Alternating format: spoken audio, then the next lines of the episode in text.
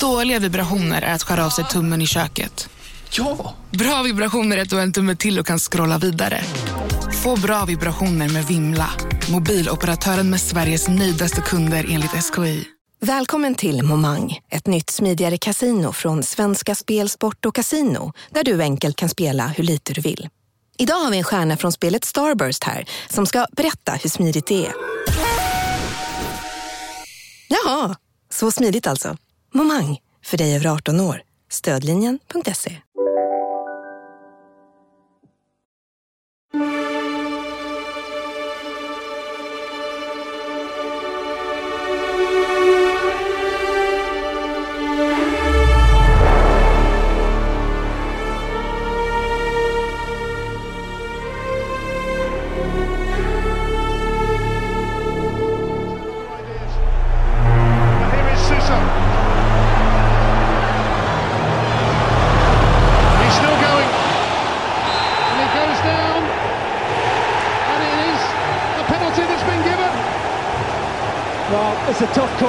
Craig Thompson. I don't know whether he consulted with his assistant. It's all down to where the contact is. Is it out or in? If it's on the line, it counts as inside. Well, he did brilliantly, Suso. Wow. Yellow card given. Is the contact out or in? I think it's out. And it's Kajabi's second yellow. Hordes of angry Hibs supporters demand the heads of those they deem responsible for this.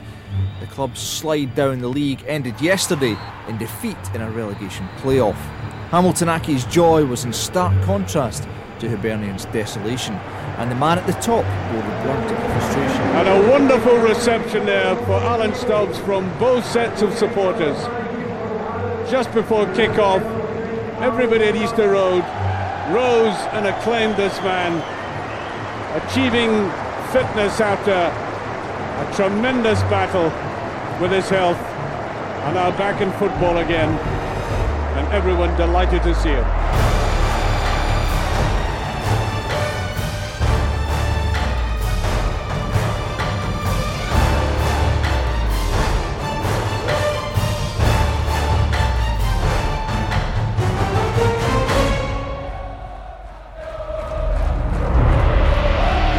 När vi pratade om vilket lag vi skulle köra den här veckan och när Erik nämnde vad han tyckte så sa jag, men varför då?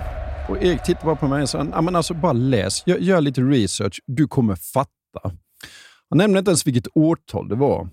Och jo då, efter inte alls speciellt lång tid så ramlade jag över ett klipp och fattade direkt, för det fullständigt golvade mig. Och Jag måste liksom ha kollat på det 30 gånger sedan dess och kommer kolla på det 30 gånger till. Och jag kände bara liksom att det är därför vi gör en podd som heter When We Were Kings om historiska fotbollslag.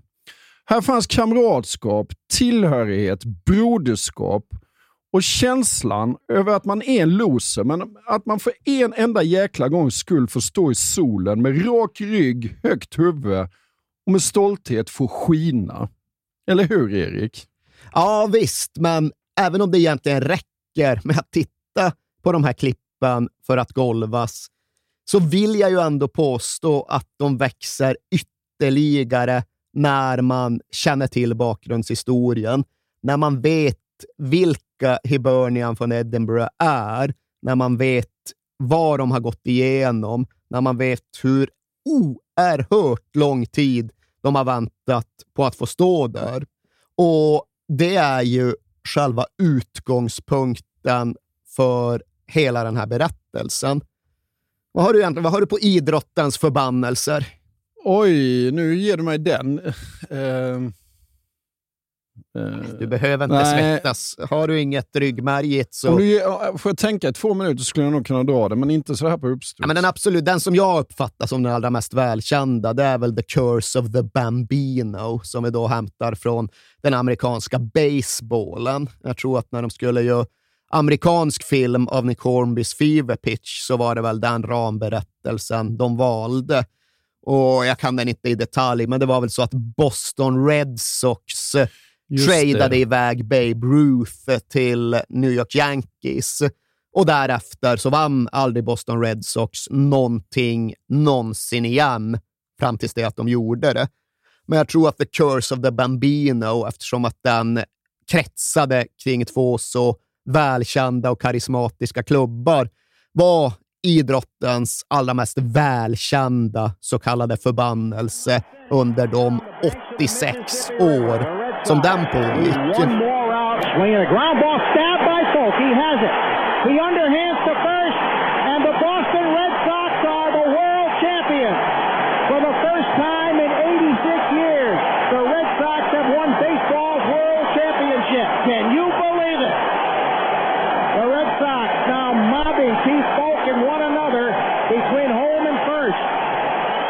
And as Ned Martin said back in 1967, tandem och i närheten av den, i samma baseball, så har jag också stött på den här Curse of the Billy Goat som tydligen ska ha hängt över Chicago Cubs. Och den har jag inte alls en lika omedelbar relation till, men ja, jo, det har jag ju hört talas om. Det är någonting. Det var någonting med Chicago Cubs.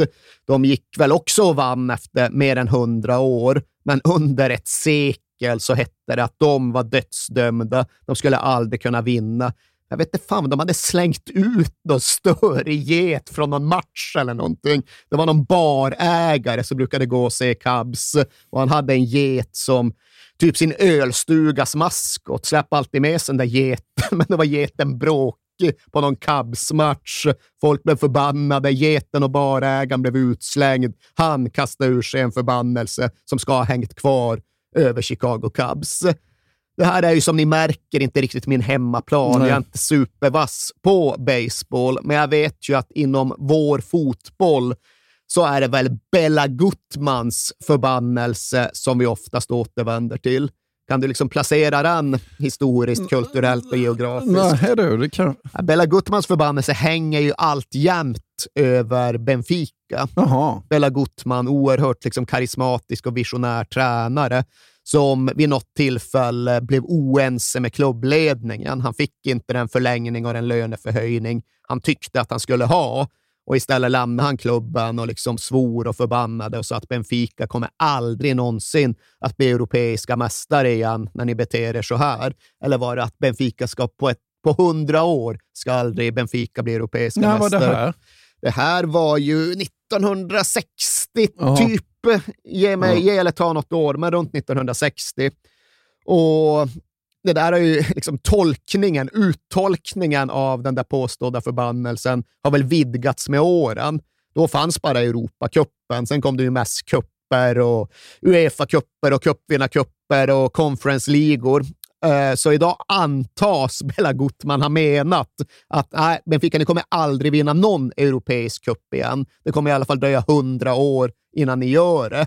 Och den här har ju fått snurr och spinn eftersom att Benfica sedan dess förlorar varenda europeisk final de spelar. De är nu uppe i åtta stycken i rad under då en period som är typ 60 år lång. Och det har gjort att Bella Gutmans förbannelse faktiskt har fått vingar. Den har fått substans. Folk börjar nästan tro på den när Branislav Ivanovic nickar in något sent segermål för Chelsea eller när Sevilla vinner på straffar och Benfica därigenom kasserar in ytterligare ett finalnederlag i Europa. Men okej, det är den kanske främsta vi har nu och den har sträckt sig över 60 år, lite drygt. Men den går ju då inte att jämföra. Inget går att jämföra, inte ens inom basebollen eller något annat, med den kuppförbannelse som hade hängt över Hibernian i långt mer än hundra år när vi kommer till den säsong vi ska fokusera på.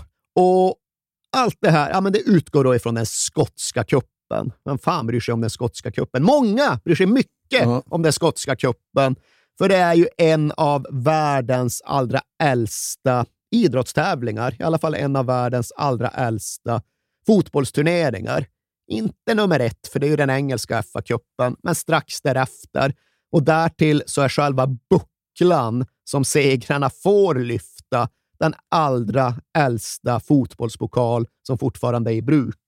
De började spela den skotska cupen 1874 och första gången som någon vann den, var väl Queens Park, så fick de då ta emot samma lilla, ganska oansenliga silverpokal som fortfarande delas ut till segrarna idag. Men segrarna, ja, de hette ju aldrig Hibernian och de kom inte från den gröna halvan av Edinburgh. För jo visst, Hibs vann den skotska kuppen ett par gånger när turneringen var ung. De vann kuppen 1902, minsann, men det är ju ett tag sedan. Som rivaler till Hibs brukar säga, det här var alltså på Buffalo Bills tid. Ja. Vad har du på Buffalo Bill? Uh, ja, nej, ta det under, vad fan, Buffalo Bill.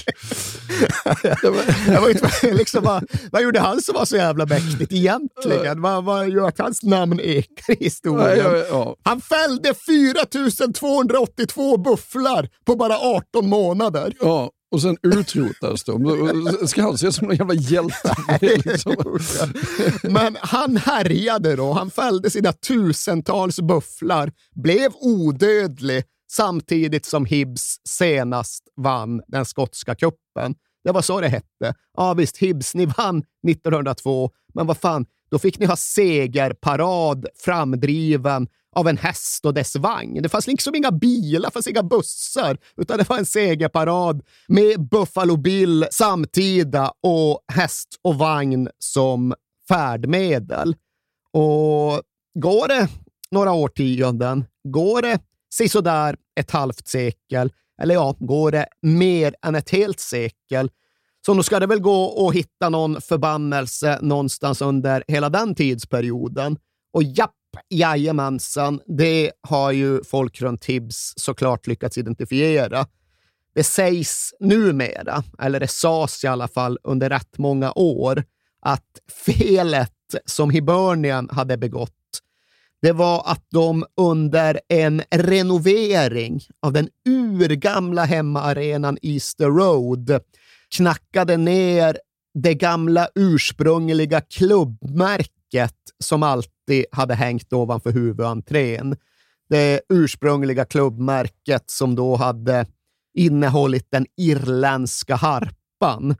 Och när det sedan inte fick plats på den moderniserade Easter Road vem tror du blev förbannad då? Ja, alltså jag läste någonstans att det var en irländsk romsk kvinna som blev irriterad. En zigenarkvinna. Ja, ja. Jag vet, det är väl kanske inte ordet man ska använda, men det är alltid när man ska gå tillbaka ja. till dessa förbannelser så tenderar det att vara någon zigenarkvinna, ja. någon romsk kvinna som det refereras till. Du kan hitta ett halvdussin andra brittiska klubbar som på olika sätt påstås ha upprört någon icke-identifierad rom. Ja. Och det så Derby County ja. och Birmingham City påstås ha förargat någon sån här person.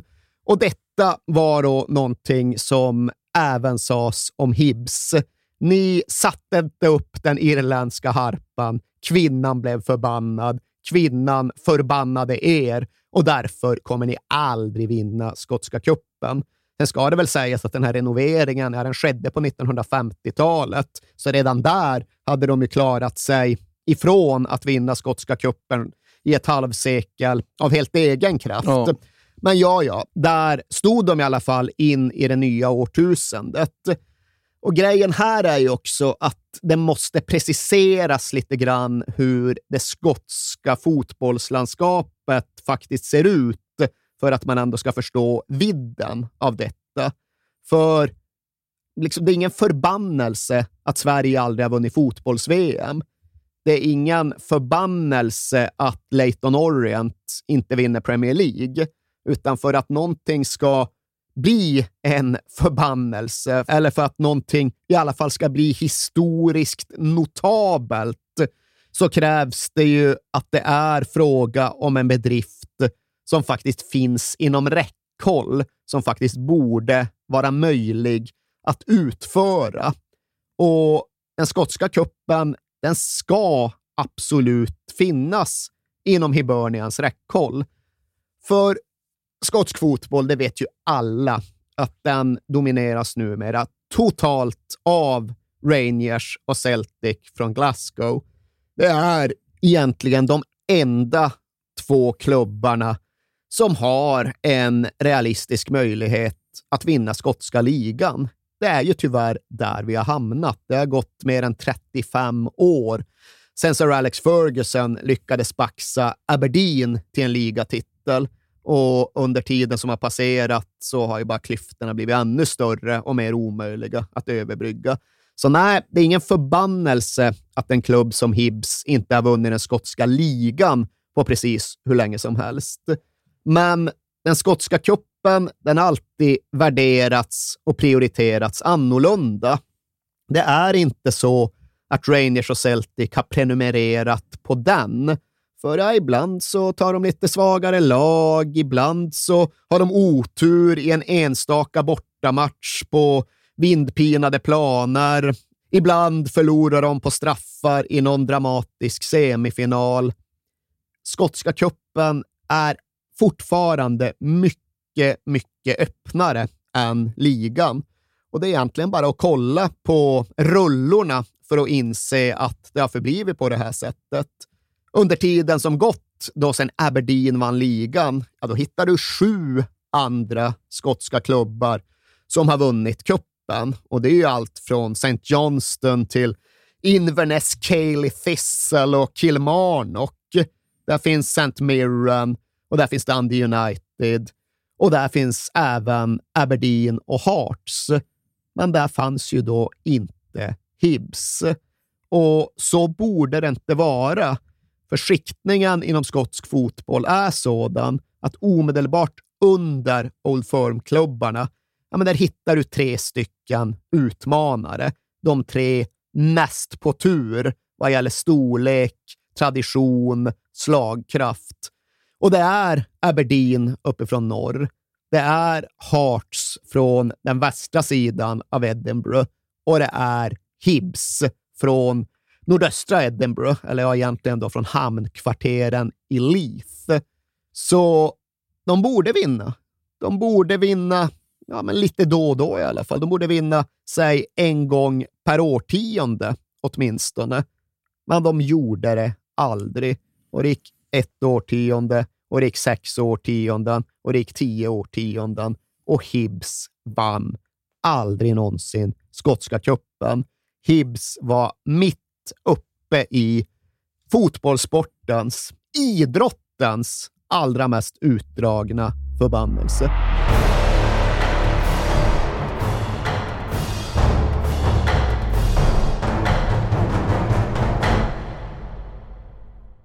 Jag vill inleda med att säga att det är garanterad jackpot på 13 miljoner på Stryktipset. Och fy fasen. Ja, visst. Skulle du behöva 13 miljoner eller? Ja, det skulle jag verkligen. Men vi måste säga först att vi är ju sponsrade av Stryktipset. Ett spel från Svenska Spel, Sport och Casino för dig över 18 år. Yes, och stödlinjen.se finns där för dig om du har problem med ditt spelande. Nej, men 13 miljoner jackpot på Stryktipset, det är ju inte fel. Nej, då är det faktiskt dags att ladda en rejäl rad här känns det Mhm. som. Vet du vad som inte heller är fel?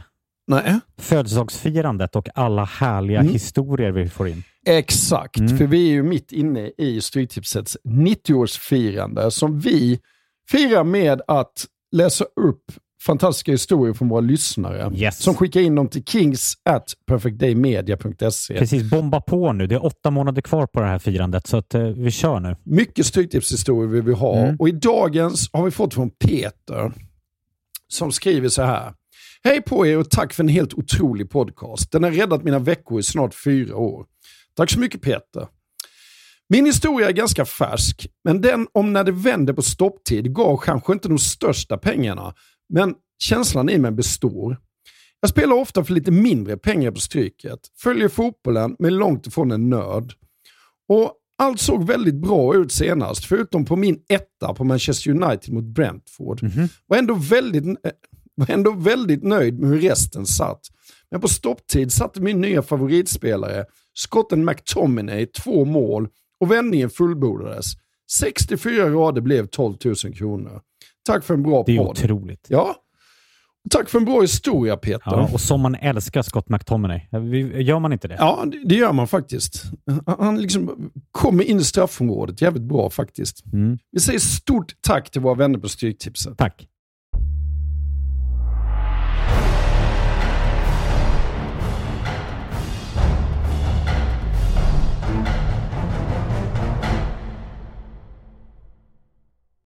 Vad kan du mer säga vad Hibs är för klubb då? Ja, alltså, ifall vi bara tittar på det rent sportsliga så kan du ta det Spurs faktiskt, som vi pratade om för inte särskilt många veckor sedan, och slå ihop det med ja, man säger Hammarby för att få en intilliggande referens. Och där någonstans hittar du Hibs och den fotboll de säger sig vilja spela.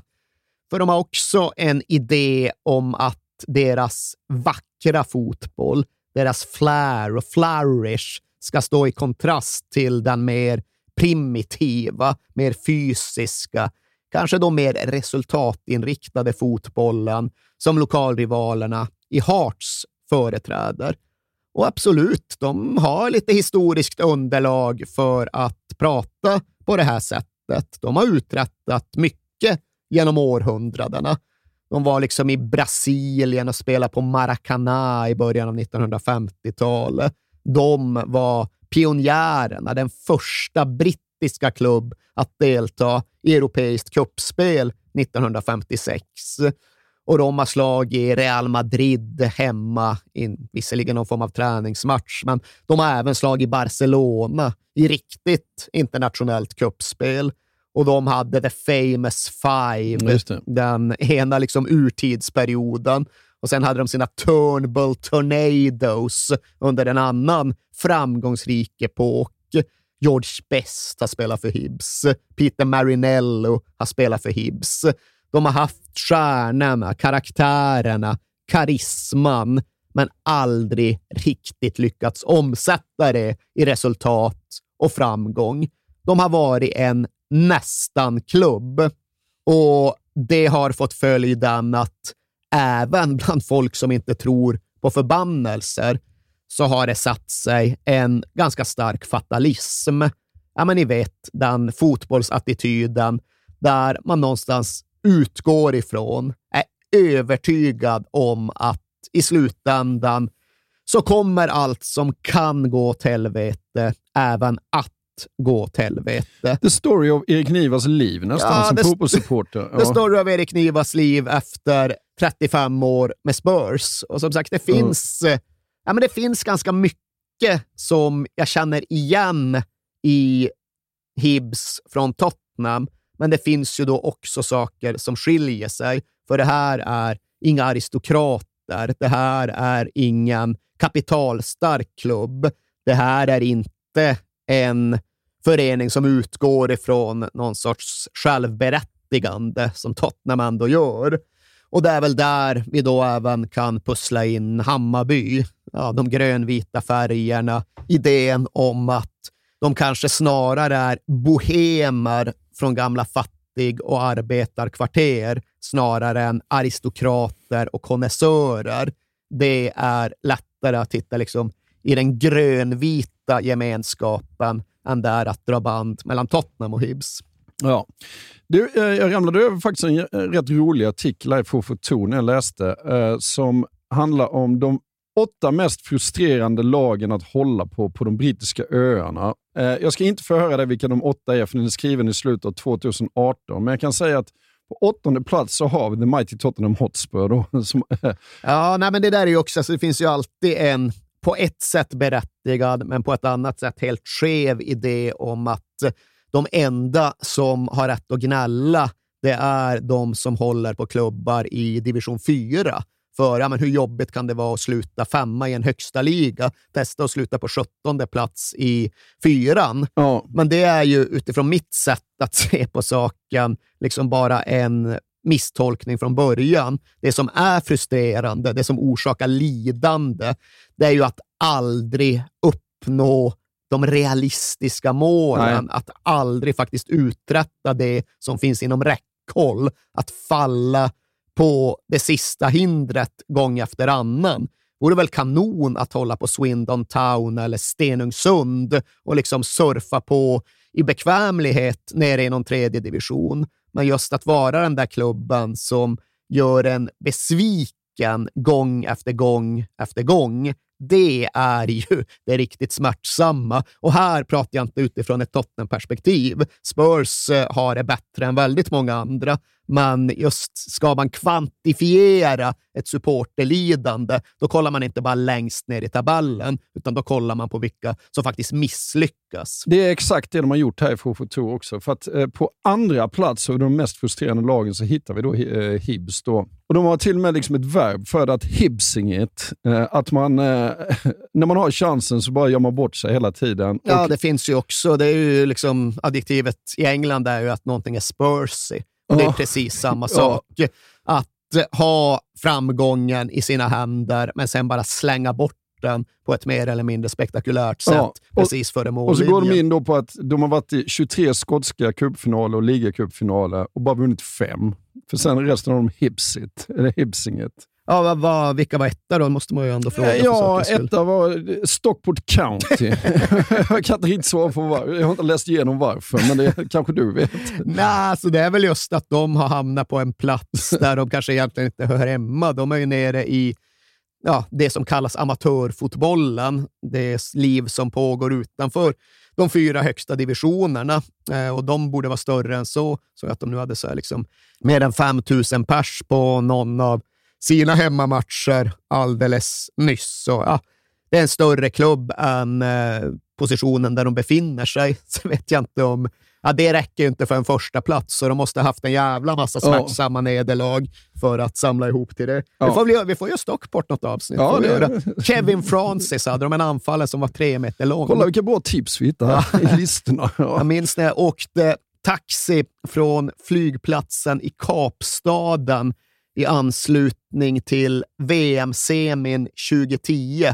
Då fick jag dela taxi från flygplatsen in till stan med en snubbe som visade sig vara engelsman och som visade sig hålla väldigt hårt på Stockport County. Då satt vi och snackade om jätten Kevin Francis i en halvtimme dagen före VM-semi 2010. Det minns jag.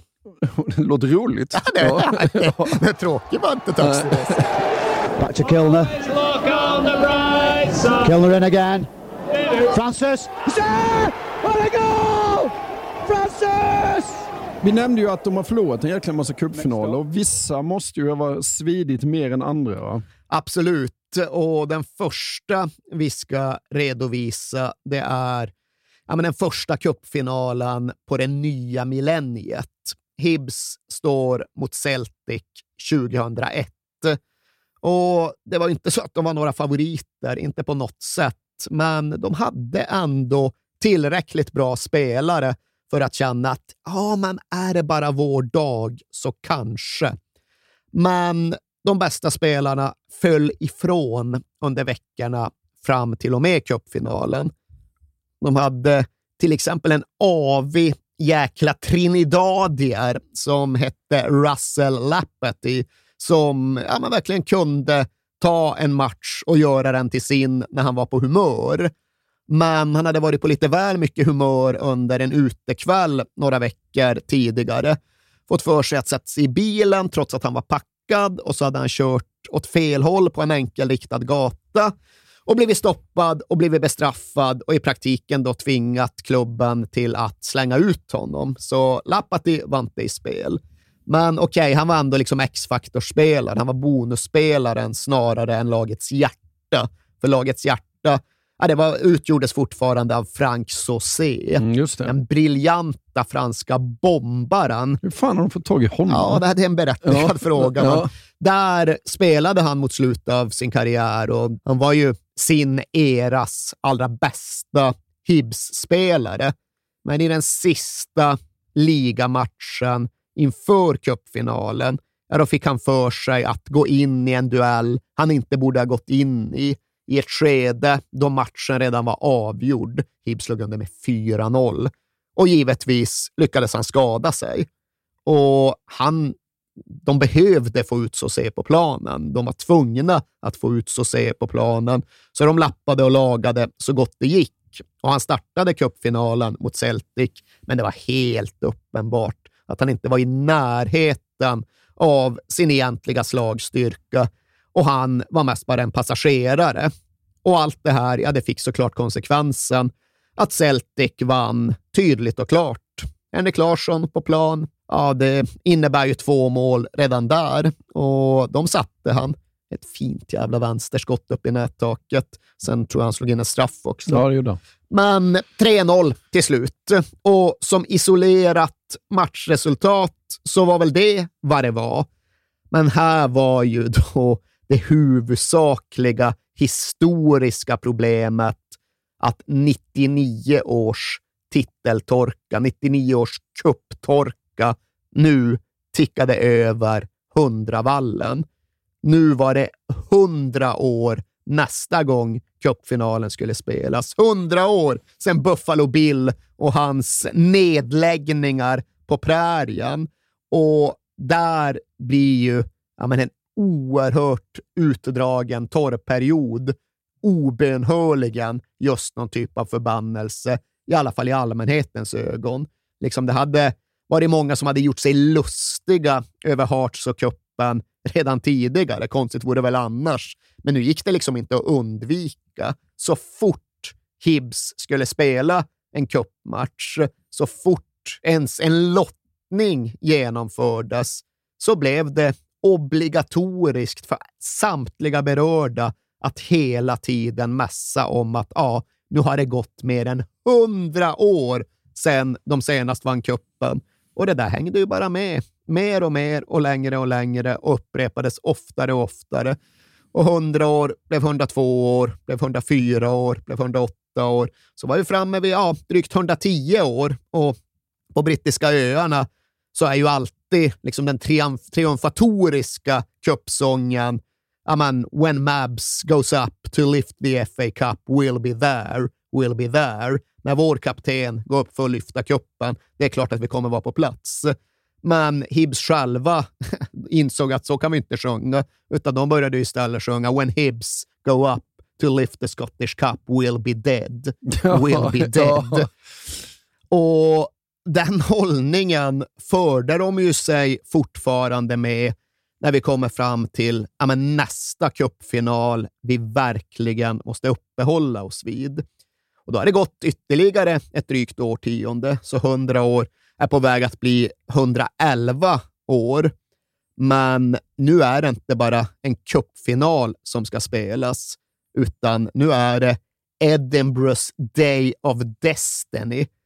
För 2012 skulle Hibs och Hearts mötas i en cupfinal.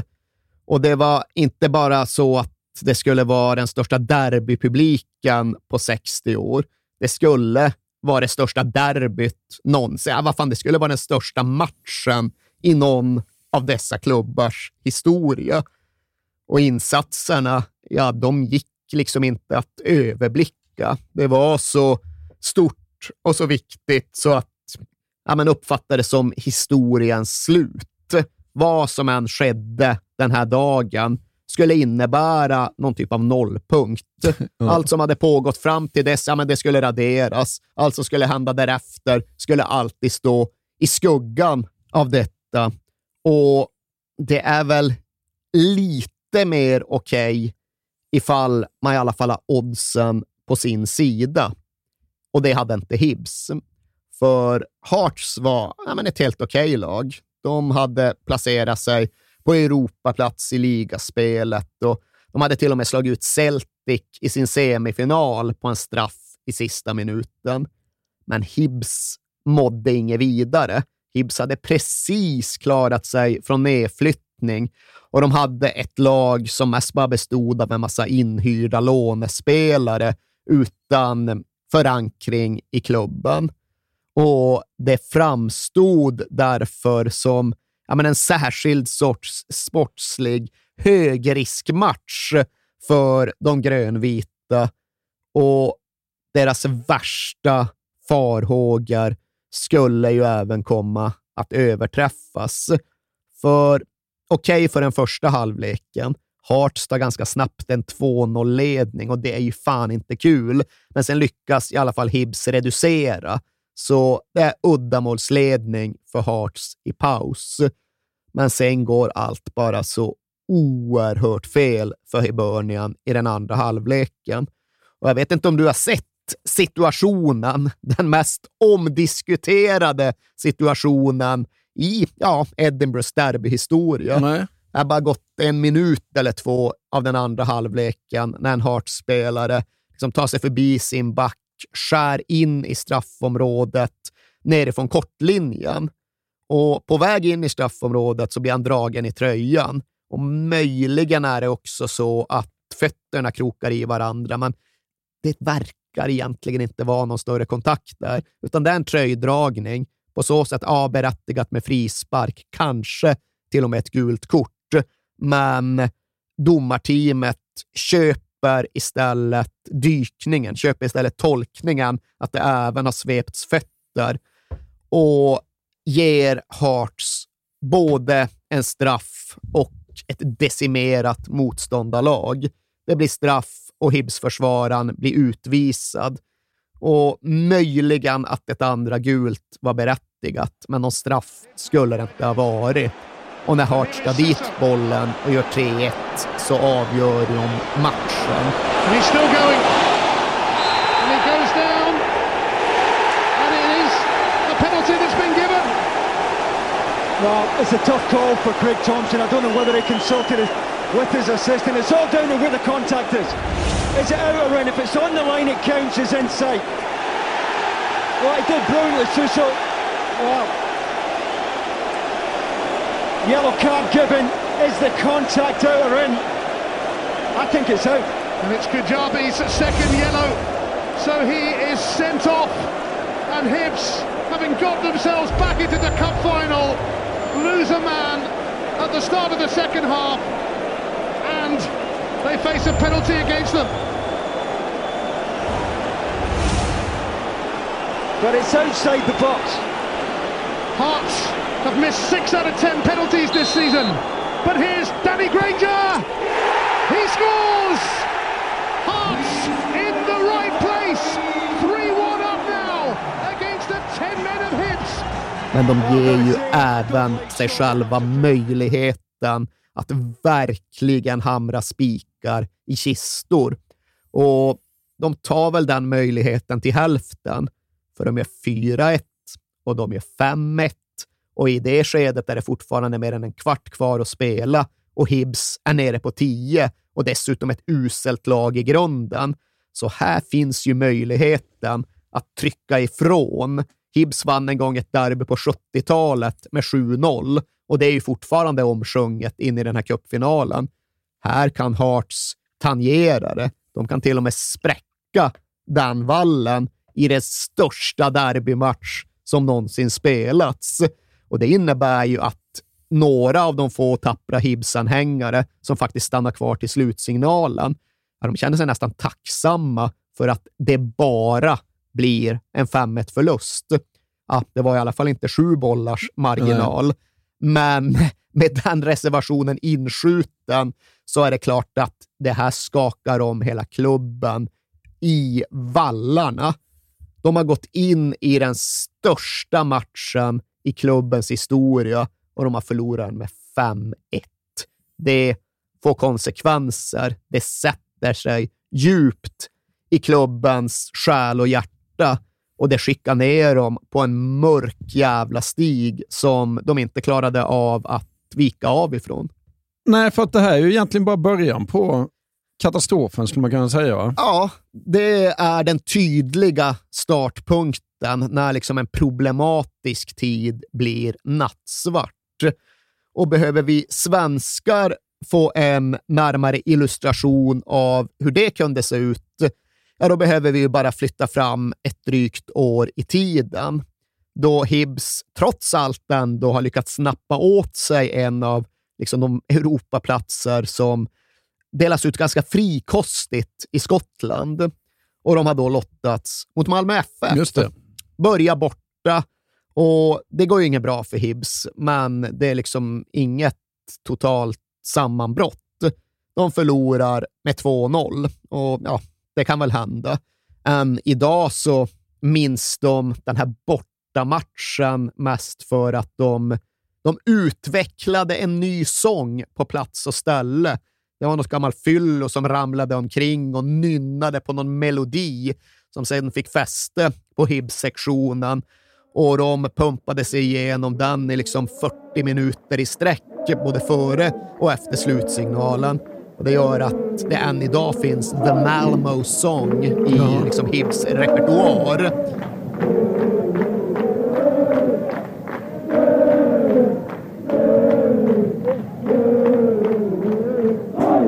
Den sitter där den sitter och det fick de med sig från bortamatchen.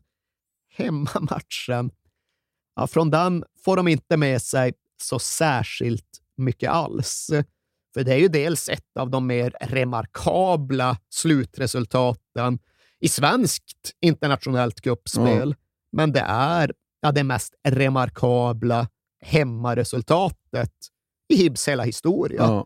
De räknar ju förlusten mot Hearts som den värsta någonsin, men sen räknar de den här hemmamatchen mot Malmö FF som den näst största smällen i klubbhistorien. kan som man den, nästan förstå. Ja, den allra ja. sämsta insatsen som ett Hibslag någonsin har gjort. Okej, okay, Real Madrid, då kan man i alla fall säga det. Liksom. Ja, nej men alltså, ja. de förlorar ju hemma mot Malmö FF med 7-0. Ja. Och det var inte ens i överkant. Det kollar man på liksom sammandragen, Malmö hade bollar i virket, missade massa frilägen, hade absolut kunnat bli tvåsiffrigt. Ja. Och ja, jag vet än idag inte riktigt. finns som ingen analys att göra. Det är klart, Malmö var ju ett bättre lag än Hibs, men de var inte sju bollar bättre på Hibernians hemmaplan. Det är en obegriplig kollaps och det är faktiskt svårt att eh, riktigt se någon linje i just förhållandet mellan skotska och svenska klubbar. För det är inte helt entydigt. Det är fortfarande så att ett Aberdeen kan gå ut och köra över BK Häcken med fem bollar. Man undrar hur gick det där till?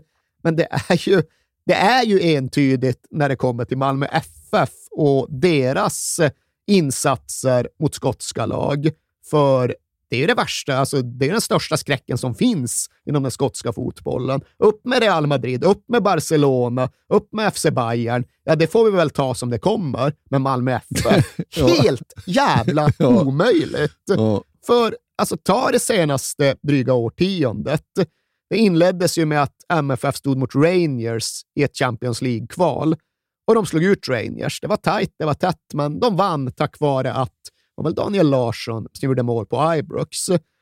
Och det bidrog ju ganska kraftigt till att Rangers sedan kollapsade totalt ekonomiskt. Förmodligen hade ju rättvisan hunnit ikapp dem ändå. Det var ju en massa skattegrejer ja, och sådär. Men ja, Rangers syntes ju inte till i Europa på sex sju år efter detta. För Rangers de störtade raka vägen ner i fjärde divisionen och fick liksom börja bygga upp hela jävla klubben på nytt efter att ha stött på Malmö. Aha, därefter då? Ja, då kom ju den andra stora bjässen från Glasgow till Malmö för att spela Champions League-kval fyra år senare. Det blev ju stryk igen. De mm. hade vunnit hemma på Celtic Park med 3-2, men i returen så var ju Marcus Rosenberg ostoppbar. MFF vann, Celtic fick bara vika hem med kepsarna nedfällda och Champions League-pengarna försvunna. Och Ja, det innebar ju bland annat att de fick lov att sälja Virgil van Dijk omedelbart. Ja. hade ju också hänt förr eller senare, men ja, de åkte till Malmö med Virgil van Dijk. Ja. Kan ändå inte få stopp på den ljusblå maskinen. Få åka hem och sälja Virgil van Dijk det första. Och, ja, men inte nog med detta. Nu var det bara några månader sedan som Rangers skulle försöka igen. Och det gick ju åt helvete den gången också. Då stod de mot tio Malmöspelare och hade ledningen på hemmaplan och kunde ändå inte klara av det. Så ja, Malmö, Malmö sätter skräck i hela fotbollsskottland, även i de allra största bjässarna. Men visst, de har väl inte skadat några andra lika mycket som de ändå skadade Hibs när de åkte till klassiska Easter Road och vann med sju bollar. För ja, den dödsspiral som Hibernian nu hade hamnat i, den virvlade såklart ännu mycket snabbare efter det. Ja, innan vi fortsätter att följa den neråt är det klart att vi ändå måste ha vårt lilla, vår lilla blågula Hibs-special. Har du gjort läxan? Svenska spelare i Hibs? Frågetecken. Tänker du på Daniel Andersson kanske? Bland annat. Tänker du på Melker Hallberg? du har gjort läxan. ja. du, vet ju, du vet ju vilka risker som är förenade med de här inspelningarna. All, alltid skönt att kunna få rätt någon gång. Kunde du det här för en vecka sedan? Nej, det kunde jag inte. ja, men absolut. Melker Hallberg från Småland, han är ju fortfarande där. Han ja. spelar ju nu och gör det helt okej. Okay. Men har väl en bit kvar till Daniel Anderssons status. Daniel Andersson då ja, men den skånska målvakten som blev en typ av hjälte i Hibs våren 2004. Fast ja, han blev ju då hjälte på Hibset, för han vann en semifinal åt dem. Han knep, tror jag, tre straffar när de slog ut Rangers i ligacupsemin 2004. Bland annat en straff från Mikkel Arteta. Så det kan han ha med sig, Jaha. Daniel Andersson. Men sen är det klart att ja, det var just semifinalen som var kul, för finalen förlorade de naturligtvis. Ja, ja, det är klart. Daniel Andersson ja. i buren, det hjälper inte när Livingston står på andra sidan. Men ska jag ändå tillåta mig ytterligare en liten utvikning på temat Hibernian och Sverige? Ja. Det tycker jag nästan själv, för det var nämligen så här att vi var väldigt nära att få ytterligare en svensk i grönvitt och nu är vi någonstans vintern 2007-2008. För vet du vem som anlände till Edinburgh då? Var inte det Mutumba? Exakt! Ja. Du har det i bakhuvudet. Ja. ja. det är ju en jävla... Ja, men det är ju en väldigt mustig skröna som Martin Mutumbas skrönor tenderar att vara. För han har ju då varit ute på en typ av provspelsturné runt om i Europa Europa efter att han hade lämnat den finska fotbollen. hade ju varit i Åbo i tre säsonger, men nu hade han vuxit ur den kostymen och nu skulle han testa på någon som satt lite bättre. Och Han hade ju då blivit ivägsvept av en jävla bluffmakare till agent som lovade stort och dyrt och som till att börja med tog honom till La Coruña. Där var det klart. Deportivo ville ha Martin Mutumba. Och kanske var det så. Han var ju bevisligen där på provspel och han gjorde det bra och han fick goda signaler från klubbledningen. Men när det väl skulle skrivas kontrakt, ja då trasslade den här agenten bort det på något sätt och Cirkus Mutumba, showen Martin Mutumba, fick dra vidare till de brittiska öarna. Och där var det först Crystal Palace och provspel och löften och sen blev det inget med Crystal Palace. Sen var det Luton och provspel och löften. Och sen var helt plötsligt den här skojaren till agent bara borta. Och Martin Mutumba satt där på något bed and breakfast i London och hade bokstavligt talat noll pund, noll kronor på sitt bankkonto och hans telefon hade blivit spärrad för att han hade ringt för många utlandssamtal och agenten som då hade styrt hela rundresan och fixat med biljetter och så var bara försvunnen. Vilken jävla mardröm. Ja, nej, det är inte skitkul. Nej. Det är det givetvis inte. Men det är väl inte alldeles unikt och ovanligt att folk blir lurade på det här sättet i fotbollssvängen. Men det som sen är lite ovanligt är ju Martins förmåga till problemlösning. För han sitter ju där och undrar bara, vart i hela helvetet ska jag ta vägen med detta? Och har väl inte riktigt kommit till något svar när han halvt smiter upp på sitt bnb rum För tanten som drev det där meddelade ju att ja, den där killen som var med dig, han har inte betalat för ditt rum, utan eh, ifall inte du pröjsar så ska det ut imorgon dag. Och Martin, vad, vad fan ska jag ta mig till? Slå på tvn, sappa lite och vänta nu, där är en snubbe jag känner igen.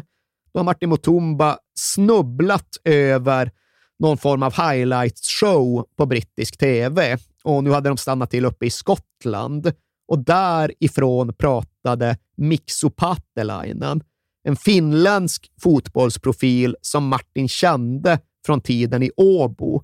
För Martin hade då spelat för Inter Turku och Mikso Patelainen hade varit manager för tror jag, TPS Åbo. Så de hade liksom delat arena i tre år. Så ja, de var bekanta.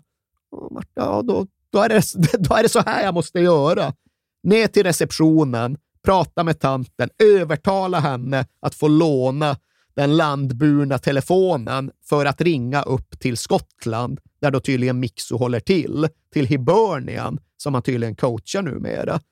Det är ingen som svarar där. Det är väl någon tant i deras reception som meddelar att no, no, the gaffer's not here, he's gone. Och liksom, tror du ändå bara att vi kopplar upp det till the gaffer? Det kommer inte hända. Nej. En desperat Martin lyckas ändå liksom lämna med, men du måste, måste få Mixo att ringa upp det här bed and breakfastet och prata. Martin Mutumba, hälsa från Martin Mutumba, han vet vem jag är. Om du bara ger honom det här meddelandet så kommer han att ringa. Och tidigt nästa morgon så gör ju faktiskt Mixo Paatelainen det. ringer Ja. upp och får vad, vad står på? Martin, länge sedan, vad, vad händer? Och han drar hela historien om hur han har blivit blåst och lurad och han nu sitter övergiven i, Skott eller i London. Och Mixo, ja, okej, jag hör vad du säger och jag vet ju att du är en begåvad spelare. Du ska inte komma upp hit och testa då. Abo, det är klart som satan att jag ska göra det ifall chansen finns. Så nu vänder ju plötsligt Martins lycka. Nu är det flygbiljetter som Mixo styr upp. Nu är det taxi till flygplatsen som Mixo styr upp. Nu är det upphämtning vid flyget när det landar i Edinburgh och raka vägen då till Hibs träningsanläggning. För nu jäklar, nu ska showen rulla vidare igen. Och det gör den ju i några träningspass. Enligt Martin själv så går det hur bra som helst och därtill så har han verkligen Mikso Patelainen på sin sida. Nu har han liksom hämtat upp en provspelare utan att någon annan i klubbledningen känner till det, så det ligger ju i Mixos intresse att Martin ska vara bra. Och så som Martin berättar historien så liksom förvandlas Patelainen till det de kallar för en hype man inom hiphopen. Han bara går på sidan och liksom vrålar om hur bra Martin är. Kolla på killen, han är bäst, han gör det, han gör det, ni gör ingenting, det här är mannen! Och liksom kör på det. Och ja, vad fan, det är ju klart. Klappat, färdigt. Klart att det blir kontrakt med Hibernian. Tills då Martin får för sig att köra lite extra efter att träningen är slut. Och när han gör det så drar han såklart baksidan. Och desperat inför detta faktum så vägrar han ju bara tro på det. Så den natten sover Martin Mutumba i badkaret på det hotellrum där hibernierna inkvarterar honom. Och han går och hämtar is från ismaskinen i korridoren och pressar isen mot baklåret ända tills det att den smälter och han går och hämtar ny is och börjar om processen i badkaret igen. Men har du dragit baksidan så spelar det liksom inte så jävla stor roll hur mycket is du pressar dit under natten, Nej. utan den förblir avdragen. Och det är klart att då går det ju inte. Då blir det inget kontrakt med Hibernian, hur mycket managern än uppskattar dig. Så en nedslagen, stukad, tvivlande Martin Mutumba sväljer natten, ringer hem till sina grabbar i Rinkeby, får dem att skramla ihop till en flygbiljett tillbaka till Stockholm. Och väl på plats så mötte han upp med sina boys, tog en spliff, började röka den, kastade fotbollsskorna i nästa soptunna och avslutade fotbollskarriären. Sen kom han att påbörja den några gånger därefter. Det här var ja, men, knappt två år innan han sen skulle vinna guld med AIK. Men ja, Men det är en annan historia som vi faktiskt har berättat eh, ett av de tidigare avsnitten. Ja, just det. Två lax nio Ja, avsnittet. Det var väl andra, tredje avsnittet. ja någonting. exakt. Men ja, det är mest bara några, några vanliga dagar i Martin Mutumbas Ja. liv som just det här fallet faktiskt sammanföll med Hibernian.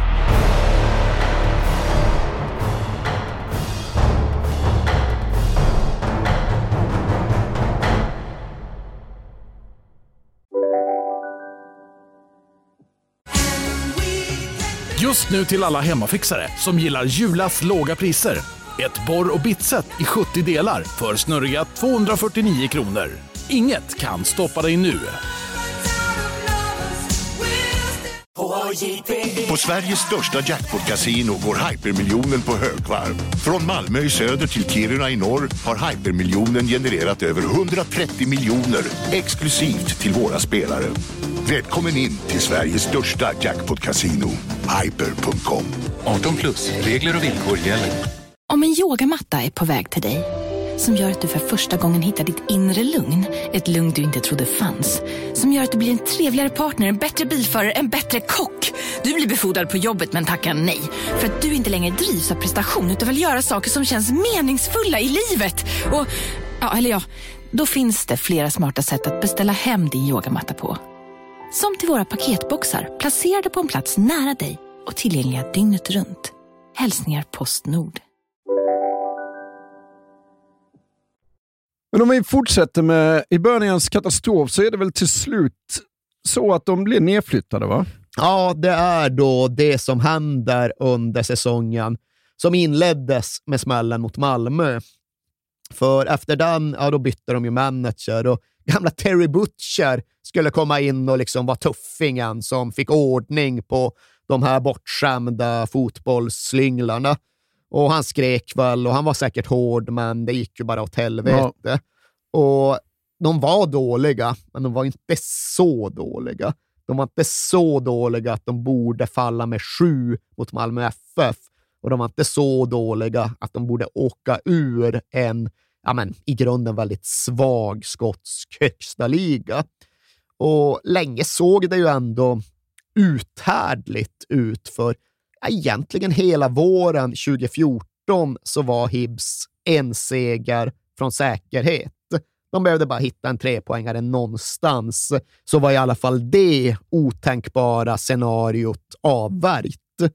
Men de hittade ju inte någon seger. De hittade inte en enda trepoängare. De gick 13 matcher i rad under säsongsavslutningen utan vinst.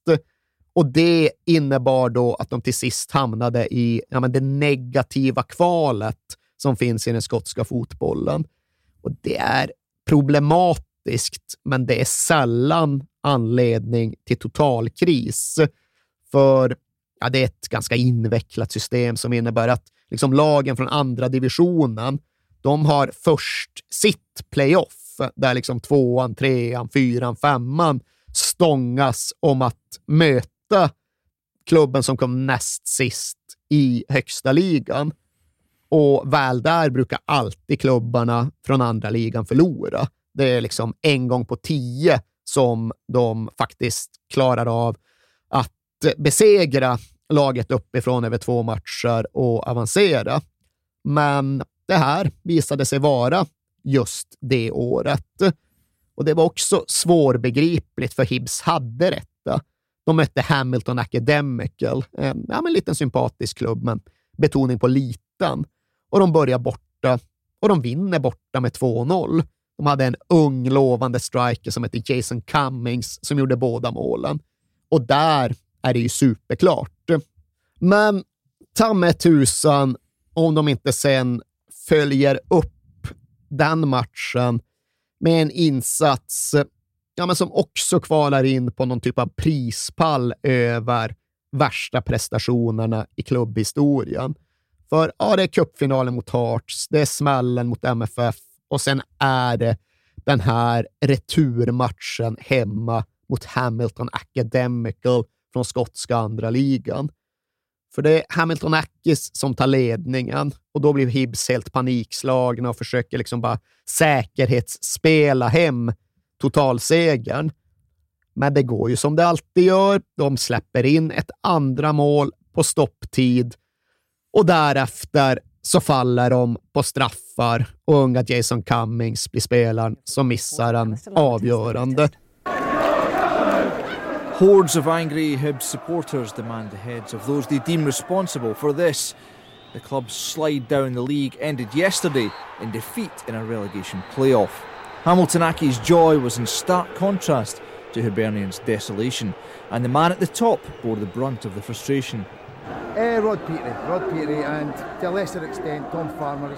Och du nämnde ju liksom det där eh, vad fan blir det verbet? Adverbet? Hibsinget. Hibsing. Ja, men ja. detta var verkligen ja, alltså, så här, De leder med två, de vinner med 2-0 borta. Hemma på East Road kommer över 18 000 och de har 2-0 i ryggen. Och de, de Hibsinget ja. och, och, och förlorar på straffar inför den publiken. Ja, de lyckas hitta ett nederlag där inget nederlag egentligen borde stå att ja. finna. Och ja, Det var sånt de gjorde, men nu hade de ju hamnat då i den här jävla negativa dödsspiralen som var värre än egentligen något de hade upplevt tidigare. För det tycks inte finnas någon hejd på det. Hur illa kan det bli? Hur djupt kan de sjunka? Det var frågorna som fansen ställde sig den här sommaren 2014 och de ställde de frågorna med eftertryck. Det var ju stora demonstrationer utanför arenan i juni 2014. Det var flera tusen som samlades för att protestera, men vad, vad protesterade de egentligen emot? Det var det som väl var ja, men svagheten i budskapet. Att, ja, de protesterade givetvis åt att det gick åt helvete dåligt. Men vems var felet och vad var lösningen?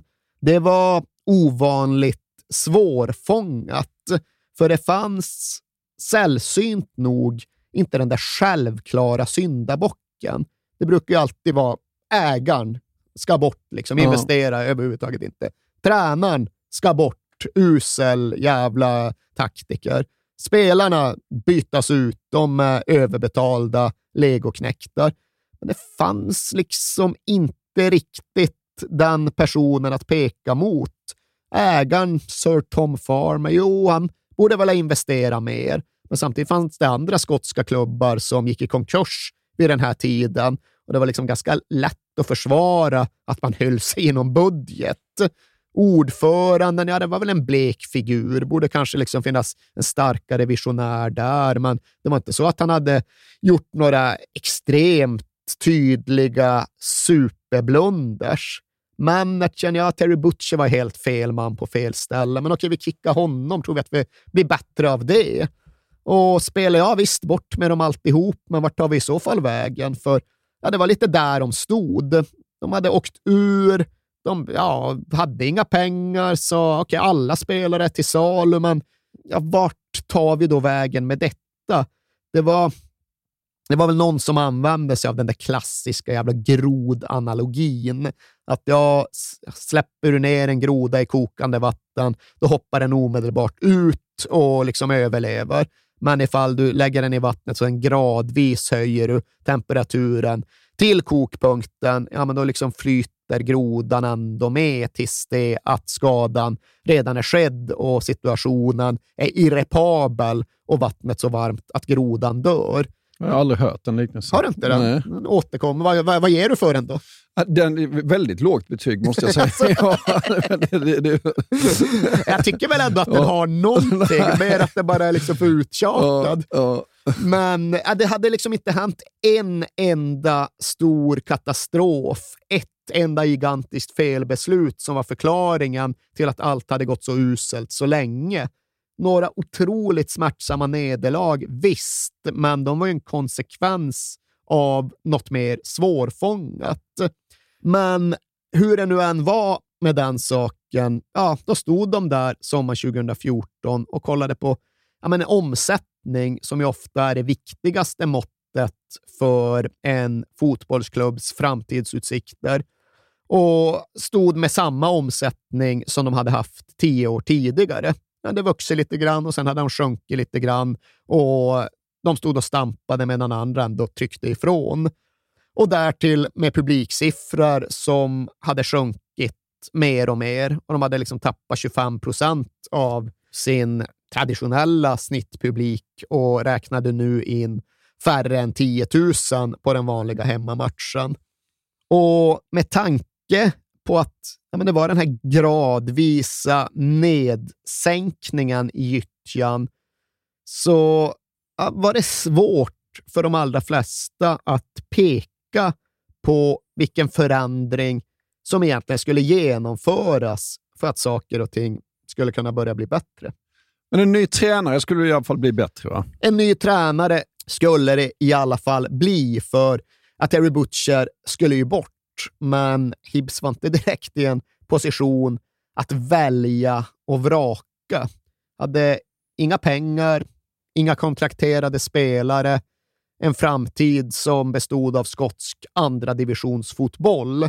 Så Mourinho ringde inte direkt.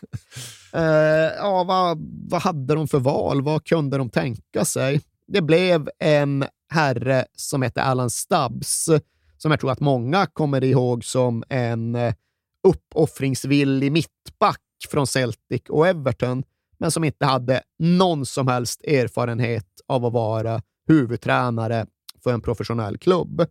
Men det Alan Stubbs hade var ett gott rykte som en stark karaktär, som en pålitlig person.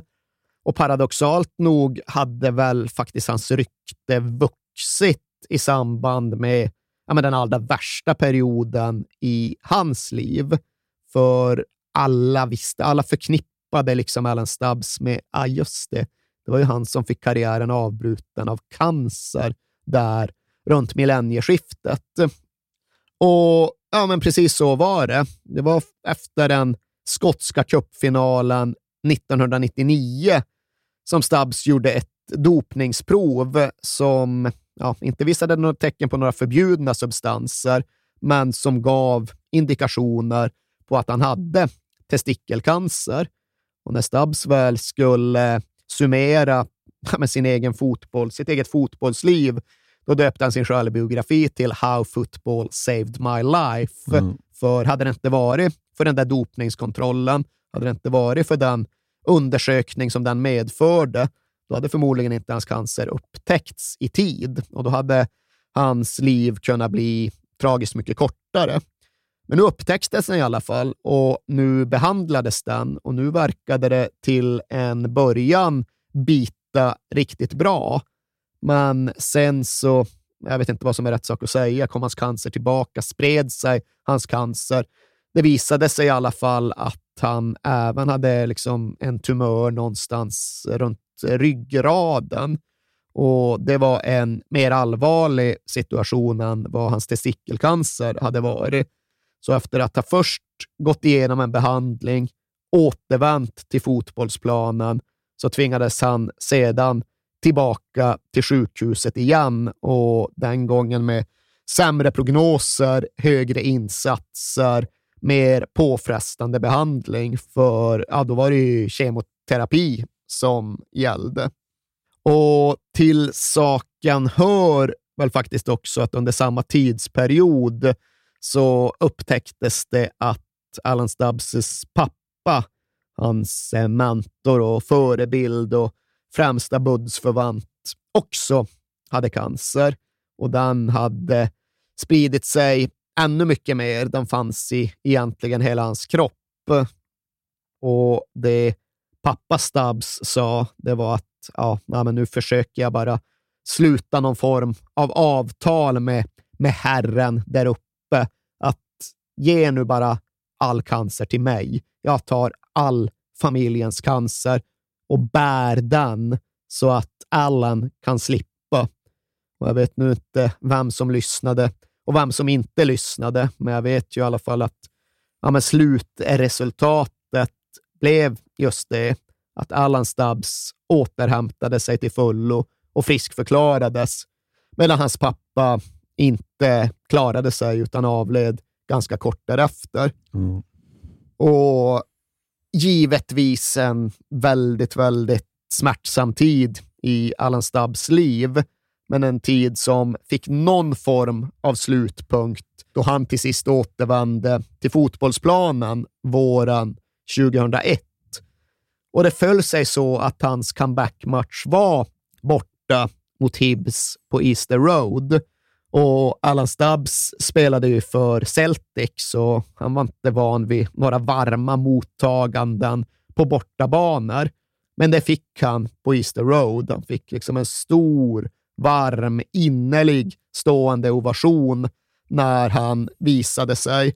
Och det sa han redan då att ja, det här mottagandet, det är något som kommer stanna kvar i mig ända till den yttersta dagen. Och han menar ju också att det satt kvar i honom. Det gjorde så att det låg närmare för honom att hoppa på det här självmordsuppdraget som det ändå framstod som när Hibs sökte ny manager 2014. And a wonderful reception there for Alan Stubbs from both sets of supporters. Just before kick-off, everybody at Easter Road rose and acclaimed this man, achieving fitness after a tremendous battle with his health, and now back in football again, and everyone delighted to see him.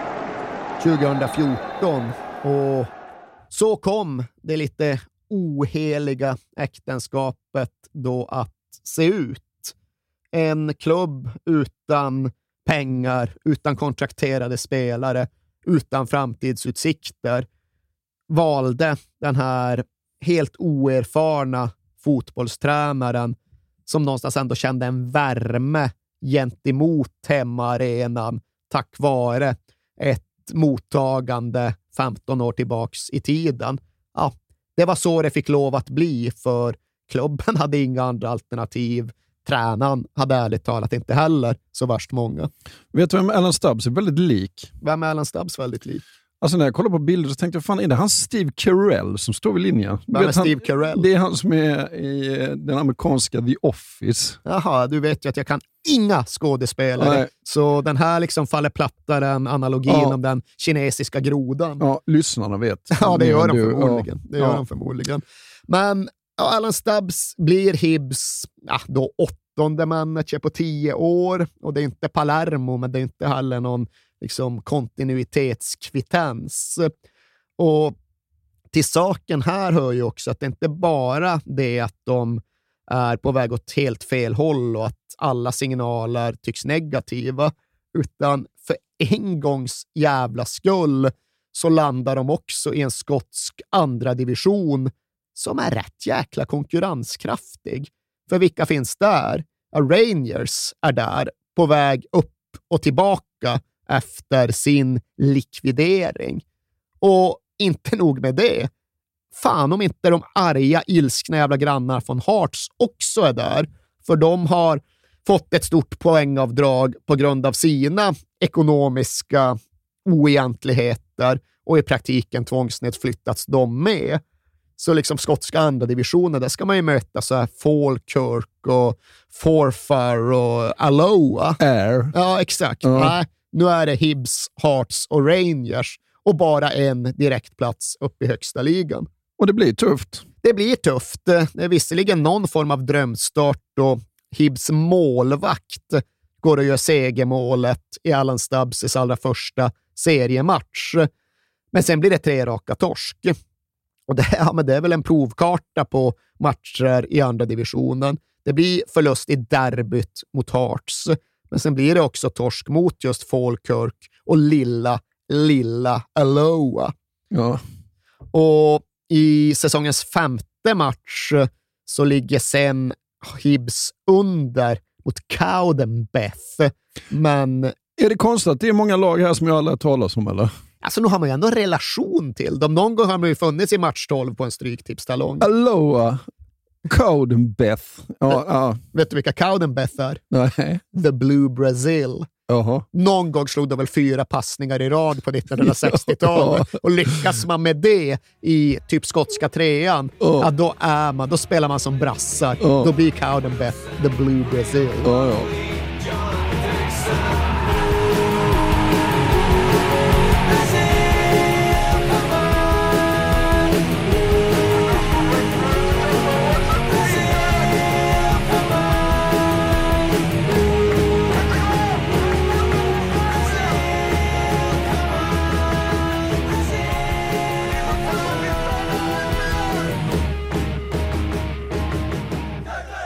Men ja, Hibs hade svårt med The Blue Brazil och hade det inte varit så att de först kvitterade och sen faktiskt också avgjorde matchen i slutminuten, ja, då hade de avslutat omgången som sist i den skotska andra divisionen. Men de undvek det. Jason Cummings gjorde det där sena segermålet mot The Blue Brazil och sen vänder ändå kurvan lite försiktigt upp uppåt för Alan Stubbs Hibs. För omedelbart därefter så tar de tre raka segrar och de besegrar faktiskt Rangers på Ibrox, så det är ju lite meriterande. Och de bygger ihop en ganska fin resultatsvit i skotska tvåan. Men Hearts, ja, de skenar iväg med den här säsongen. Det går liksom inte att störa dem. Och där finns det ju något smärtsamt i att då grannen studsar tillbaks direkt medan Hibs hamnar i det här nålsögat till kvalspel som krävs ifall man ska liksom hacka sig upp den svåra vägen till högsta divisionen. Som tabell två slipper de visserligen det första kvalhacket, det som i praktiken är en kvalkvart, men de får sen spela kvalsemi mot Rangers om rätten att möta det näst sista laget från högsta ligan. Och dit kommer de aldrig, utan de förlorar med 2-0 mot Rangers på Ibrox och då räcker det inte att de vinner med 1-0 hemma. Så det blir ingen uppflyttning, men äh, var väl ändå en okej okay första säsong för Allan Stubbs. Det var inte bara nattsvart och sjumålstorska mot Malmö och förluster mot Aloha, utan det var en del att Eh, ja, men bygga vidare på. De gick också till semifinal i skotska kuppen och det kan vara mer eller mindre svårt att nå en semifinal i skotska kuppen. Den här säsongen så besegrade Hibs Aloha och Arbroath och Berwick. Och sen var de i semi. Ja. Där blev såklart Falkirk lite för tuffa. Det var jävligt svårt med Falkirk faktiskt. Ja, Falkirk, ja, nej, de var jobbiga. Ja. Jobbiga jävla Falkirk.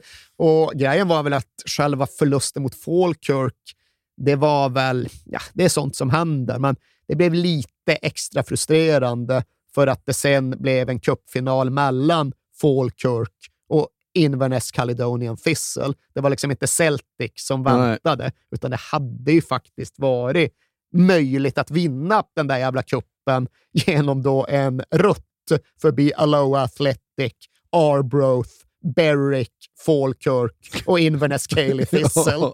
Men det blev inte så den gången heller. Det blev varken uppflyttning eller liksom någon uppgörelse med kuppförbannelsen. Men här kan vi också bara ta med det att det där med kuppen, det var ju inte en jätteaktuell smärta precis just här.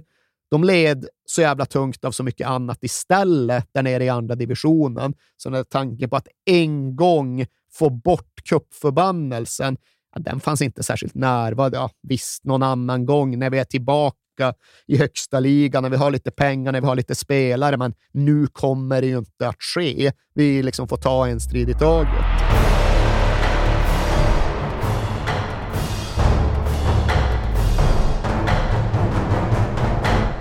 Och med det går de in i sommaren på den här eh, säsongen vi ska prata om, va? Nu är vi framme sommaren 2015 och då ett andra år i andra divisionen för både Hibs och Glasgow Rangers.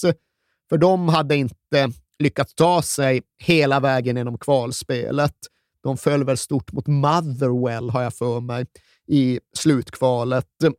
Och Det innebar att det fortfarande fanns en mycket större fisk kvar i den där plaskdammen för Hibs att försöka fäktas emot. Och det blev tydligt redan på sommaren då Rangers ja, gick in och försökte nafsa Hibs bästa spelare, in i Scott Allen, som jag tror att du har en stark relation till. Nej, det har jag inte. Men den liksom transfersagan kom att utgöra ja, men väldigt mycket mycket av liksom Hibs mediala sommar 2015. Åh, oh, nu blir vi av med Scott Allen. Åh, oh, typiskt. Åh, oh, såklart är det Rangers som nu ska spänna musklerna och liksom både ta vår bästa spelare och sen ta greppet om uppflyttningen. Det är ju helvete, men ja, ja, då får de i alla fall betala hyfsat. Nej, det blir ju inte 150 000 pund, liksom två miljoner spänn, utan nej, ni får betala mer. Och så håller de på att liksom tjafsa och förhandla och förhala den där övergången på ett sätt som drar ut över stora delar av sommaren tills då Celtic bara går in och liksom trycker ner värvningsdojan i nacken på Rangers för ja, bara tar Scott Allen med sina ligavinnarpengar. Och det blir en typ av dubbeljackpot för Hibs. De får, eller ja, nästan trippeljackpot. För dels så förstärks inte Rangers i andra divisionen. Dels får de bättre betalt och därtill får de också ja, men ett par Celtic-spelare i utbyte. De får möjlighet att förvandla låneavtalet runt Dylan McGooch till en permanent övergång. Och de får dessutom de unga mittfältslöftet Liam Henderson på lån. Henderson som just hade fyllt 20 och precis var ute på en lite ovanlig låneutflykt till Rosenborg i Trondheim. Men det där var ett jäkla bra utfall för Hibs ifall de nu ändå skulle bli av med Scott Allen och gav dem dessutom lite extra manöverutrymme. Och hur ska man då kunna förvalta den lilla pengasumman som nu ändå har kommit in? Jo, Alan Stubbs och Hibbs, de väljer att gå för en ung, rå och opolerad mittfältspelare som har hamnat i en typ av osämja med sitt St. Mirren.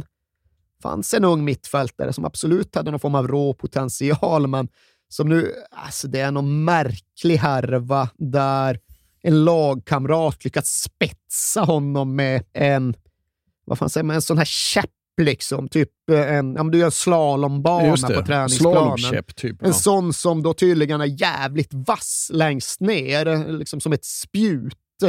Ett sånt har kastats på St. Mirrens träningsplan, träffat unga mittfältaren John McGinn i låret på ett sätt som gjorde att han liksom var på väg att förblöda och på ett sätt som gjorde att han liksom i förlängningen blev lite förgrymmad på den klubb han tillhörde. Ja. De hamnade i en typ av rättstvist där McGinn ville ha så här invalidiseringskompensation, ja. typ. Och frågan vart hans karriär skulle ta vägen var, hängde i luften. Okej, okay, han hade liksom återhämtat sig från den där spetsningen, men han var inne på att dra till USA och spela på något sånt där college-stipendium eller någonting tills Alan Stubbs och Hibbs klev in och spenderade en dryg miljon av sina Scott Allan-kronor på denna unga mittfältare. John McGinn hette han. Han skulle bli ett mer välbekant namn med åren. Men redan här refererade Alan Stubbs till a really big statement av Hibs, för nu hade de minsann betalat mer än 100 000 pund, mer än en miljon kronor för en spelare. Ja, och han är ju en av de få som till och med jag hade koll på i, i, ja, den här liksom, hur, hur, hur, känner du inför den här truppen som Nej, du ska men, kunna kolla igenom? har jag koll på för att han var med i skotska EM-laget. Det var väl ordinarie där också? Ja, alltså ja. deras bärande spelare. Ja, ja. First name on the team sheet och oerhört nyttig för Aston Villa vecka in och vecka ut i Premier League. Ja. Nej, sen, eh, sen kan jag inte säga att jag har någon speciell eh, koll på, på spelarna här faktiskt. Nej, och det ska jag inte hålla emot mm. dig, för det är ju inga spelare som har gjort sådär jättemycket väsen av sig i andra sammanhang. Det är ju John McGinn som har verkligen gått eh, vidare till stordåd. Och sen är det då den här unga Liam Henderson som kom på lån från Celtic som ju har hamnat i den italienska fotbollen, ja. som idag är Serie A-spelare i Empoli. Aha. Men därtill så är det inte några stora framgångssagor, utan det är väl snarare några av de egna lokala hjältarna som jag ändå vill nämna. Han vänsterback som heter Louis Stevenson, som fortfarande är kvar där, som liksom alltid spelar för Hibs.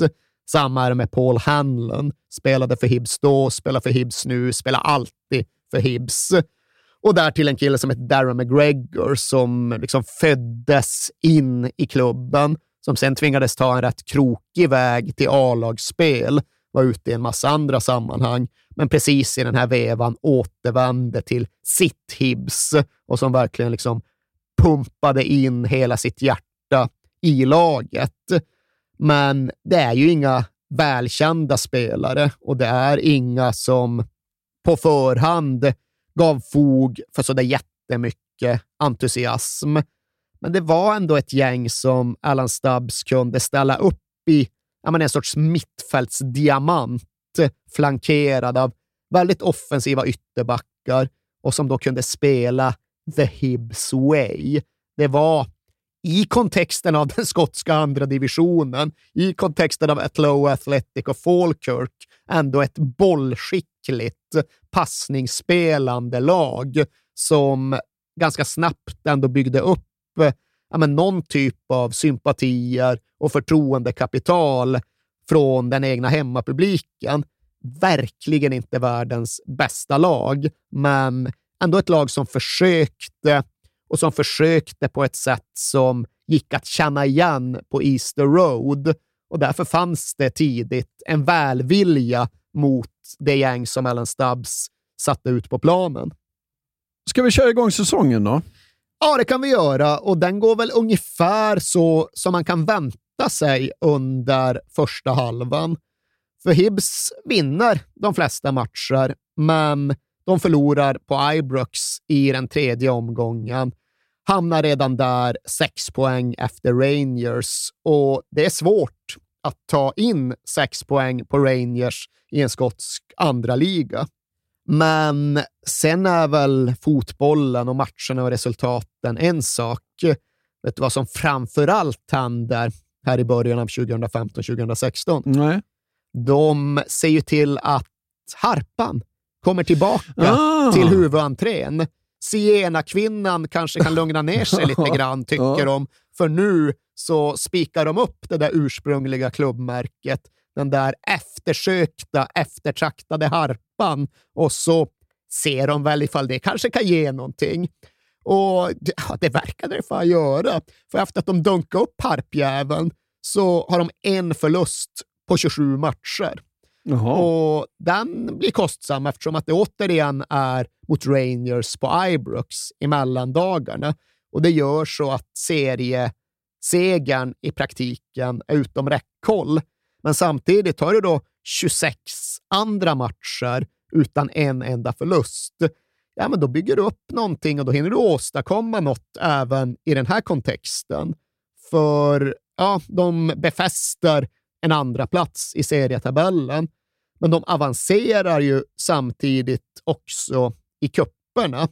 Och då är det till att börja med den skotska ligacupen som vi pratar om. För där börjar Alan Stubbs gäng slå ut lag från högsta ligan i tät följd.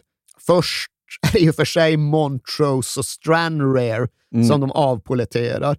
Men sen är det Aberdeen ut och Dundee United ut och en semifinal som väntar mot St. Johnston.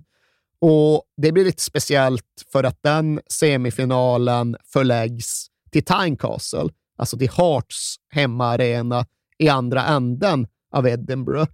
Och alltså den skotska ligacupen har väl kanske inte så där jättemånga anhängare ute i stugorna, Nej. men här har den ändå en bra grej. För i den stora skotska kuppen då spelas alltid semifinalerna på Hampden. Ja. Och det är ju nationalarenan, vad fan är det nu för tiden? 60 000 platser eller någonting. De fyller sällan den ifall det inte är Celtic, Rangers, Hearts och Hibs som spelar. St. Johnson, du fyller inte Hampden Park. Utan jag har varit på ganska många semifinaler där, där det är så 11 000 Ja. Mellan eh, ja, men Kilmarn och, och Dundee eller något i den stilen. varit på ganska många sådana. Ja, det är många och många. Tre, fyra stycken. Ja, det var inte dåligt. Ja, det är imponerande. Ja. Jag såg Green och Morton spela semifinal på Hamden en gång i tiden. De tog inte 45 000 fans kan jag meddela. Men det behöver ingen av de berörda göra den här gången, för nu är ligacupsemi på Tynecastle och det är klart att bara det där med att mullra in på fiendemark och ta tre av fyra läktare i anspråk, det gör någonting för ett Hibs hjärta. Och när de sen också går och vinner matchen så blir den främst ihågkommen som lilla John McGinns stora genombrottsshow. För han är helt outstanding. Han avgör matchen. Han drar också iväg ett par sådana här helikopterfintar, roulettefintar, Ja. som väl mer förknippas med Marseille än med Edinburgh. Det ser du inte varje dag i, i Birmingham nu. Nej, men det bidrar ju också till att hans sång hörs på den här matchen för allra första gången. Och den har inte tystnat sedan dess. Det är ju då liksom med referens till roulettefinten And we got McGinn, Super John McGinn. I just don't think you understand. Is Alan Stubbs his man? He's better than Zidane. We've got Super John McGinn. Och den där är ju sen bara omstöpts. Det är ju den sång som Skottlands Tartan Army sjöng absolut oftast under EM i somras. Och det är ju den sång Aston Villa sjunger absolut oftast numera. De bara byter ut Alan Stubbs mot Steve Clark eller Dean Smith. Ja. Men just det där med att John McGinn är bättre än Zidane, det skanderas alltjämt på varenda jävla arena där han spelar. Mm. Men det skanderas för första gången på rivalerna Hearts hemmaarena i samband med den skotska ligacupfinalen 2016 då John McGinn, Super John McGinn, drev sitt Hibs till semifinalvinst och ligacupfinalbiljett. Och den lockade ändå en del, för okej, okay, där fanns inte den där förbannelsen, det fanns inte möjlighet att bryta den, men det fanns ändå en titel inom räckhåll. För när resultatet tickade in från den andra ligacupsemin Tror du inte att lilla Ross County hade gått och slagit ut Celtic? Ja. Så det här verkade ju rätt aptitligt ändå.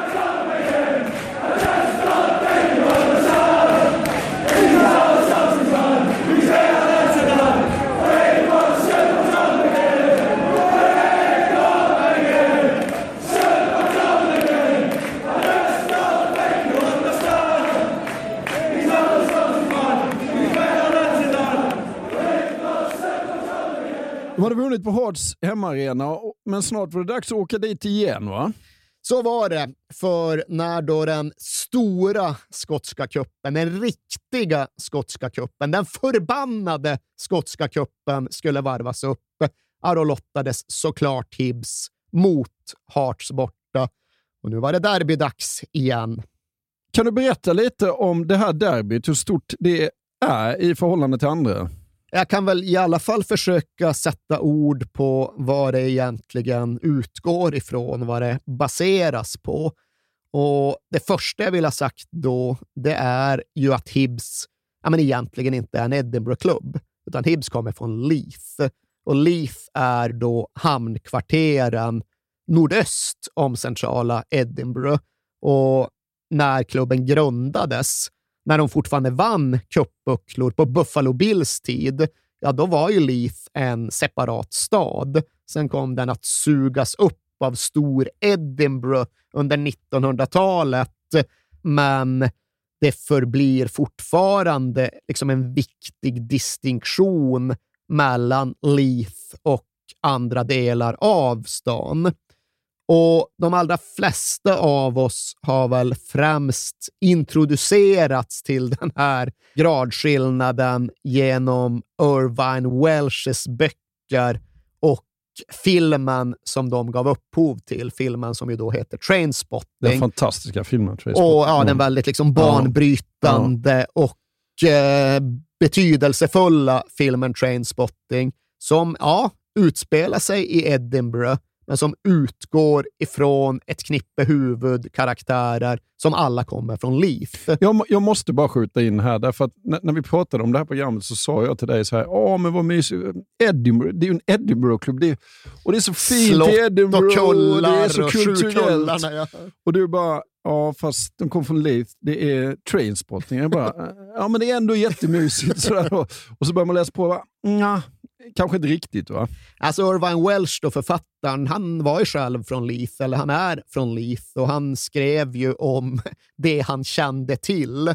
Och han låter ju huvudpersonerna i Trainspotting just eh, föra Leiths talan. Och det är någon av dem som bland annat just refererar till ja, men folket i stan, folk som faktiskt är från Edinburgh, som posh wifes, som tänker på folk som oss, som avskum. Jag tror kanske inte att den scenen kommer i filmen, men det finns en passage i boken där de också liksom ja, men redogör för sitt förhållande till Hibs. Och dels är det så att man håller på Hibs ifall man är från Leith, men man håller också på Hibs för att det är en outsiderklubb. Det är liksom tydligt ändå i Hibernians egen självbild att de är outsiders, de är från utkanterna och Hearts, de är etablissemanget inne i stan. Och det är väl, men det är klart att det är en sanning med glidningar, för Hearts är ju inte riktigt kronans klubb på samma sätt som Glasgow Rangers ändå kan sägas ha varit. Och deras hemmaarena Tynecastle, det ligger det som heter Gorg, Gorgy Road. Och det är liksom det är knega kvarter och Ja. industriområden det också. Ja. Men där Hibs då är Irvine Welsh och Trainspotting så är Hearts Walter Scott. Och jag vet inte om du kan Walter Scott, det är ju en så här blåblodig litteratör, Ja. poet med gåspenna, liksom, Ja. som bland annat skrev eh, om Heart of Midlothian, som då, liksom då är ja, men, namnet som Hearts fortfarande har på sin klubb. Och det har ändå, alltså, det är två ganska jämnstora, två ganska jämnstarka klubbar, men Hearts har alltid haft ett litet övertag. De har utgått från en lite högre position på samhällsstegen. Och det märktes väl mer än någon annan gång precis i början av 1990-talet, då folk som styrde klubben då på fullaste allvar gjorde ett seriöst, allvarligt försök att ja, men faktiskt köpa Hibs. Ambitionen det var att köpa Hibs, införliva Hibs med Hearts, men i praktiken då att liksom avskaffa Hibs. Ja. Att bara liksom eh, lägga ner den klubben på rygg, trampa på den, se till att den aldrig någonsin återuppstår och att Hearts för all evighet kommer att eh, regera ensamma i Edinburgh. Och just att det där var ett försök som alltså, det verkade faktiskt kunna lyckas, för Hearts hade kraft och pengar på ett sätt som fattiga Hibs givetvis inte hade. Det var kris på riktigt. Det var ett fullt eh, tänkbart scenario och det krävde givetvis motstånd och mobilisering. The Scottish Premier Division club, Heart of Midlothian, have made a £6 million takeover bid for their Edinburgh neighbours, Hibernian. The Hearts chairman Wallace Mercer strode into an Edinburgh hotel this afternoon to announce the boldest takeover bid British football has ever heard. to know that your local rivals were planning on uh, taking taking you over, it was a, it was a, a hard thing to stomach. that there was considerable merit in Edinburgh and the Lothians combining together the two principal clubs to try and create one unit Och det här är också ja, men dels en viktig del av derbyhistoriken, men dels också en viktig passage i framväxten av den moderna Hibernien. För de försvarade ju sin klubb framgångsrikt och de försvarade sin klubb till tonerna av Sunshine on Leith, Ja. som då från början jo, är en popballad skriven och framförd av The Proclaimers, ett band som ju också kommer från Leith och som de flesta väl känner för den här 500 I miles-låt. would walk 500 miles. Ja. Bra, bra. Nej, jag, jag, jag, gillade problemet som fasen när de kom fram, men jag blev väldigt mobbad av min storebror för att det var ett mesigt band. ja. Det, Ja. Jag kan se båda era utgångspunkter. Ja. Men de hade då liksom givit ut en skiva där den här melankoliska Sunshine on Leith inkluderades i slutet av 80-talet. Och det är ju, ja, det är ju ingen tuffinglåt, det är Nej, inte. Utan nej. det är ju alltså det är hälften kärlekssång, hälften psalm. Den är ju Ja. rätt sakral i sitt ursprungsframförande. Och den har ett ganska långt kliv att ta innan den blir läktarsång. Ja. Men det klivet tog den ju då i samband med den här överlevnadskampen där den stora draken från andra sidan av stan stod och sprutade eld mot dem. För de hade stödgalar och de arrangerade massa liksom insamlingsevenemang. Och där fanns alltid The Proclaimers och där spelades alltid Sunshine on Leaf. Och där kom ju den att växa från en ja, men ganska alldaglig kärlekssång till en signaturmelodi, en hymn för hela Hibernian.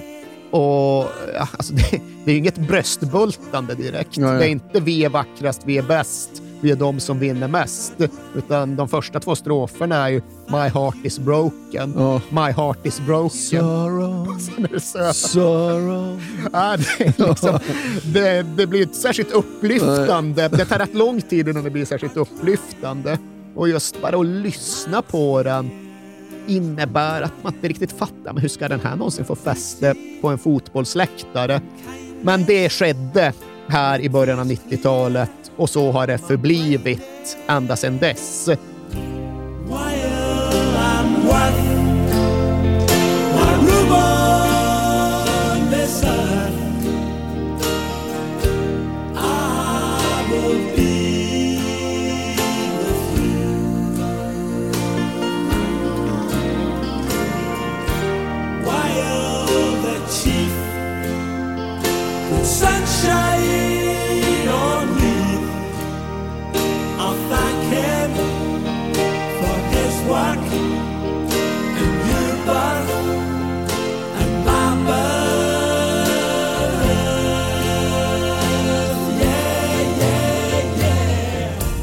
Podcasten är producerad av Perfect Day Media.